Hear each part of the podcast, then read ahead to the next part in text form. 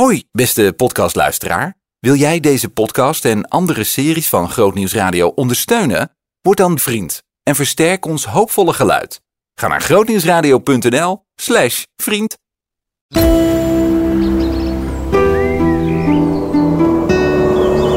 Groot nieuws uit de natuur. Ik noemde het al eerder tussen neus en lippen door dat het officieel een recreatiegebied is, maar tegelijkertijd ook echte natuur. En die combinatie doet het gewoon erg goed. Hij gaat uitleggen waarom. Boswachter Jonathan in het recreatie- en natuurgebied met 800 hectare aan één gesloten bos, relatief jong en uniek gelegen in de Randstad. En dus een plek voor fantastische groot nieuws uit de natuur, recreatie. En dat is eigenlijk het toffe aan het Bentwoud. Is dat het een, gebied is waar zowel de natuur als de recreatie ruimte hebben. We zien hier echt, uh, we zitten aan de rand van de stad. Joh, vanuit Soetermeer, vanuit de woonwijk loop je zo het Bentwoud in. Al van de Rijn is hartstikke op steenworp afstand. Rotterdam op steenworp afstand. En het is juist mooi dat die mensen in de stad juist dit groen hier kunnen gebruiken om tot rust te komen. En om te recreëren en gewoon te genieten van de natuur. Dus we hebben in het Bentwoud van allerlei uh, verschillende routes. We hebben zelfs, uh, ik heb het niet nageteld, maar het schijnt dat we 80 kilometer wandel- en fietspaden hebben. We hebben een ruitenroute, een hardloopparcours van allerlei verschillende kinderactiviteiten. Maar je mag dus ook gewoon van de paden af hier. Je mag hier zelfs van de paden af. Dat is leuk. We hebben dus ook een struinnatuur. En dat betekent dus eigenlijk van, joh, uh, als je van A naar B wil en je wil er dwars doorheen. Het mag. Het kan hier gewoon. En uh, dat is eigenlijk het mooie. Dus dat je ook gewoon de mensen de ruimte geeft om te recreëren en te genieten van die natuur. Op allerlei verschillende manieren. En zo zorg je ook dat er veel meer draagvlak is voor het gebied. Dus dat de Bentwoud ook uh, niet alleen een gebied wordt van de, van de boswachter, van de beheerders. Maar een gebied wordt van iedereen. Waar iedereen van kan genieten en iedereen tot rust kan komen. Nou, het bestaat nu zo'n 20 jaar. Merk jij dan als, uh, als boswachter dat mensen hier ook goed mee omgaan? Want dat is natuurlijk wel een voorwaarde, hè? Ja, je merkt uh, wel dat de band wat steeds bekender wordt. Daar heeft corona zeker mee geholpen. Dus ik durf bijna te zeggen dat het uh, sinds corona dubbel zo druk is in het gebied.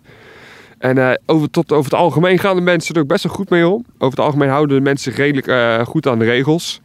Alleen ja, wat wel vaak last, zo nu dan last van hebben is van die jeugd die wel eens dingen sloopt en dat soort dingen. Dat is wel jammer. Dus we moeten wel bij alles wat we hier plaatsen, moeten wel bedenken van joh, uh, is het hufteproef? Zo niet, uh, begin er maar niet aan, want het wordt gesloopt. En dat zijn wel dingen waar we tegenaan lopen. En wat voor ons heel jammer is, waardoor we veel dingen weer net niet kunnen ontwikkelen. We denken van ja, je kan het wel neerzetten, maar het wordt toch gesloopt. Ja. Ja, dat is dan wel weer jammer. Terwijl de natuur hier dus ook bedoeld is, juist bedoeld is om te struinen. En uh, jij bent ook vaak op struintocht natuurlijk. Absoluut. Jou valt van alles op. Wat is, uh, wat is je laatste ontdekking in het Bentwoud? Oeh, dat is een goede vraag. Uh, nou, wat ik pas leuk vond is dat ik die roedom weer een keer zag na een lange tijd. Dus dat is, blijft natuurlijk altijd een hele toffe. Maar ook in het voorjaar. wat nou eigenlijk vooral het leukste is, denk ik, hier, is dat je iedere keer nieuwe soorten ziet komen. Wat je hier dus ziet is dat uh, dat gebied begint zich te ontwikkelen. Ik bedoel, 21 jaar geleden stonden hier als het ware nog de suikerbieten en aardappels. En nu begint het zich op te groeien tot een bos. En wat je daar dus ook in krijgt, is dat er ook van allerlei soorten komen. Dus uh, naarmate het bos begint te groeien. In de jonge delen zit je echt in een pionierstadium. En dat heeft hele andere soorten als in die oudere delen, die nu al uh, bijna 21 jaar zijn. In die oudere delen begin je echt te merken, het begint de body van een bos te krijgen, het begint de uitstraling van een bos te krijgen. En dat zie je ook aan de planten en de dieren, die weten het dus ook langzaamaan te vinden. Dus in die oude delen zie je echt uh, wat meer bossoorten komen. Denk aan een havik, aan een buizerd, uh, de grote bonte specht, de gauwvliegenvanger, maar ook die planten. Van, van allerlei soorten varens en andere soorten flora die echt ja, afhankelijk is van die bosbodem. En dat is dus het leuke, dat je gewoon, je ziet de natuur hier ontwikkelen. En daarbij ontdek je dus telkens weer nieuwe soorten. En zie je ook weer soorten verdwijnen, want dat hoort er ook bij. Zodra sommige stukken uit het pionierstadium gaan en echt een beetje naar die bosfase beginnen te gaan, ja, dan zul je dus die pioniers verdwijnen. Maar ja, het zijn niet voor niets pioniers. Die mannen die zijn gewend om ieder jaar weer op een ander plekje te zitten. Ja, goed, en jullie uh, onderhouden het ook. Sterker nog, jullie grijpen in in de natuur. Omdat je het natuurlijk wel uh, wilt beheren. Je wilt bepaalde soorten hier wel hebben, bepaalde planten weer niet.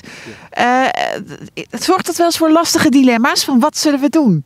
Laten we het gewoon gaan en kijken we wat er gebeurt? Of gaan we ingrijpen? Ja, vooral uh, wat we nu uh, laatste jaren hebben gehad is met begrazing. Dus eerst zou het uh, heel, hele open gedeelte begrazingsgebied worden. Maar nu hebben we gekeken, we zijn nu bezig met een verschalingsbeheer. Dus dat we maaien afvoeren en de grond daarin verarmen. Om dus meer kruiden de ruimte te geven. Dus meer verschillende soorten bloemen. En nu hebben we dat eens vergeleken. Joh, die plekken waar we die begrazing op hebben zitten. En die plekken waar we nu uh, verschalen, bezig zijn met het verschalingsbeheer. En tot dusver zien we in dat verschalingsbeheer, zien we dus eigenlijk dat, uh, dat meer uh, variatie nu oplevert dan uh, die stukken waar we nog aan het begrazen zijn. Dus hebben we gekozen van, joh, sommige delen blijven nu even een paar jaar langer doorgaan met verschaling. Nou ja, blijkbaar werkt dat heel goed en krijgen we daardoor dus meer verschillende soorten kruiden. En wat we hier bijvoorbeeld doen, bij het water? Ja. ja, we zijn hier uh, bezig met die rietkagen. Wat je ziet is dat iedere keer open stukken ertussen uh, zijn gelaten. En dat doen we eigenlijk om verschillende leeftijden in dat riet te creëren. Zodat je hier, nou ja, dit wordt nu gewoon oud riet. En hier kan dit jaar weer uh, die open stukken nu, nu gemaaid hebben. Daar kan weer jong riet opkomen. En dat is heel goed voor de vogels. Je hebt vogelsoorten, die zijn, rietvogels zijn echt afhankelijk van een wat ouder riet. Maar je hebt ook vogels, rietvogels, die vinden juist het jonge riet weer heel erg fijn. En juist die variatie erin zorgt ten eerste dat je niet in één winter ineens heel je rietkaag kan hebt. Want ja, zwinters die roerdomp en waterralletjes en heel veel vogels die gebruiken die rietkaag ook als schuilplek. En je zorgt er dus voor dat je dus die verschillende leeftijden krijgt. En daardoor dat het nog aantrekkelijker wordt voor allerlei verschillende vogelsoorten. Je hoorde groot nieuws uit de natuur. Recreatie. Zien in nog een podcast? Luister naar Verhalen van Hoop via grootnieuwsradio.nl slash podcast.